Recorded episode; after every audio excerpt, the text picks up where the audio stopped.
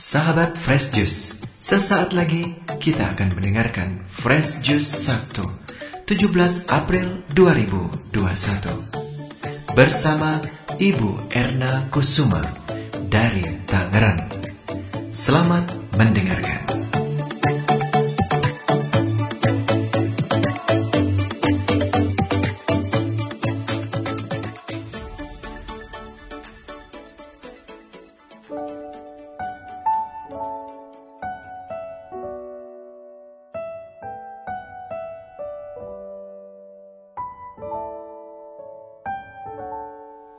Para pendengar dari Fresh Juice di mana pun berada, semoga ketika saya menjumpai para pendengar setia dari Fresh Juice pada hari ini, tidak dalam suasana ketakutan yang mencekam atau dalam kekhawatiran yang berlebihan, karena saya bermaksud mengajak kita untuk memerdekakan diri dari kekhawatiran dan ketakutan melalui Injil Yohanes bab 6 ayat 16 sampai dengan ayat 21 yaitu tentang Yesus yang berjalan di atas air. Inilah Injil Yesus Kristus menurut Yohanes.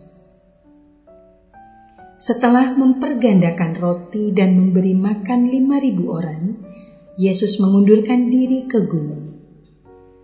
Ketika hari sudah mulai malam, murid-murid Yesus pergi ke danau, lalu naik ke perahu dan menyeberang ke Kapernaum. Ketika hari sudah gelap, Yesus belum datang mendapatkan mereka, sedang laut bergelora karena angin kencang. Sesudah mereka mendayung kira-kira dua tiga mil jauhnya, mereka melihat Yesus berjalan di atas air mendekati perahu itu. Maka ketakutanlah mereka. Tetapi Yesus berkata kepada mereka, "Ini aku, jangan takut." Mereka lalu mempersilahkan Yesus naik ke perahu, dan seketika itu juga perahu mereka sampai ke pantai yang mereka tuju.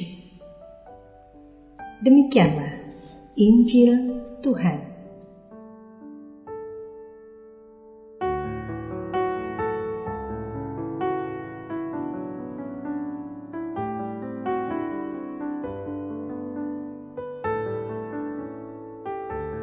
Para pendengar setia dari Fresh Juice yang dikasihi Tuhan, Yesus telah melakukan banyak sekali mujizat.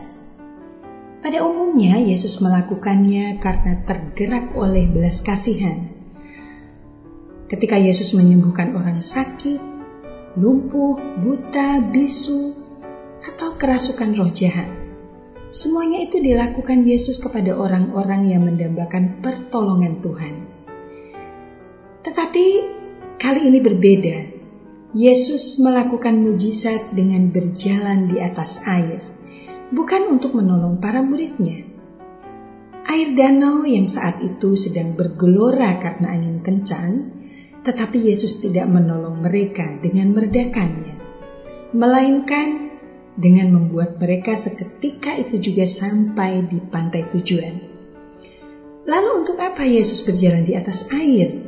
Yang justru membuat para muridnya menjadi ketakutan. Mereka mengira melihat hantu, padahal itu Yesus. Para murid itu takut kepada hantu ternyata. Ini keliru dan mesti diluruskan. Seharusnya mereka menjadi percaya bahwa Allah Bapa adalah Tuhan yang berkuasa atas segala sesuatu, baik yang kelihatan maupun yang tidak kelihatan, termasuk hantu tentunya. Maka Yesus pun berkata, "Ini aku, jangan takut." Para pendengar setiap dari Fresh Juice di mana pun berada, setiap orang memiliki rasa takut, takut akan gempa atau bencana alam lainnya, takut akan berbagai penyakit yang dapat mendatangkan kematian, atau takut melihat hantu seperti para murid Yesus. Ada juga ketakutan yang lebih ringan yang disebut kekhawatiran, namun bisa membuat kita merasa was-was. Khawatir tidak naik kelas atau tidak lulus ujian. Khawatir akan di PHK atau kemudian dirumahkan karena pandemi. khawatir kalau kita tidak dikasihi oleh orang-orang di sekitar kita. Khawatir jika kita dihianati atau disakiti, dan begitu banyak kekhawatiran lainnya. Kekhawatiran dan ketakutan senantiasa menyertai hidup kita. Bahkan nonton film horor saja bisa membuat kita merasa takut. Sebagai manusia, Yesus juga pernah mengalaminya. Ketika di Taman Getsemani, Yesus merasa sangat takut dan gentar. Hatiku sangat sedih, seperti mau mati rasanya. Begitulah yang dikatakan Yesus kepada Petrus, Yakobus, dan Yohanes. Pertanyaannya, apakah kita mau menjalani hidup dalam kekhawatiran dan ketakutan? Bukankah Rasul Paulus telah menasehati kita, kita adalah orang-orang siang, baiklah kita sadar, berbaju cirahkan iman dan kasih, dan berkotompongkan pengharapan keselamatan. 1 Tesalonika bab 5 ayat 8 Dan Yesus juga telah memberikan wejangannya. Janganlah kamu khawatir akan hidupmu, akan tubuhmu, apa yang hendak kamu makan atau minum, atau apa yang hendak kamu pakai. Bapamu yang di surga tahu kalau kamu memerlukan semuanya itu. Ya, kita mesti memperdekakan diri terhadap segala urusan duniawi, termasuk segala ketakutan dan kekhawatiran hidup di dunia ini. Kita mesti menjadi percaya kepada Kristus berusaha untuk terlebih dahulu mencari kerajaan Allah dan kebenarannya, maka semuanya itu akan ditambahkan kepada kita. Semoga ada hal yang paling menakutkan bagi kita yang wajib dihindari sejauh-jauhnya, yaitu kalau kita mengerjakan hal-hal yang tidak sesuai dengan kehendak Allah Bapa. Yaitu kalau kita rajin berbuat dosa, dan melanggar perintah-perintahnya. Yang ini bukan lagi menakutkan, melainkan mengerikan, karena siksa kekal akan menanti kita. Jika ini yang terus-menerus kita perbuat, maka kita tidak lagi menjadi orang-orang siang. Kita tidak lagi memiliki iman, pengharapan, dan kasih. Sama sekali tak menjadi masalah kalau kita takut berbuat dosa Itulah satu-satunya ketakutan yang perlu kita pelihara.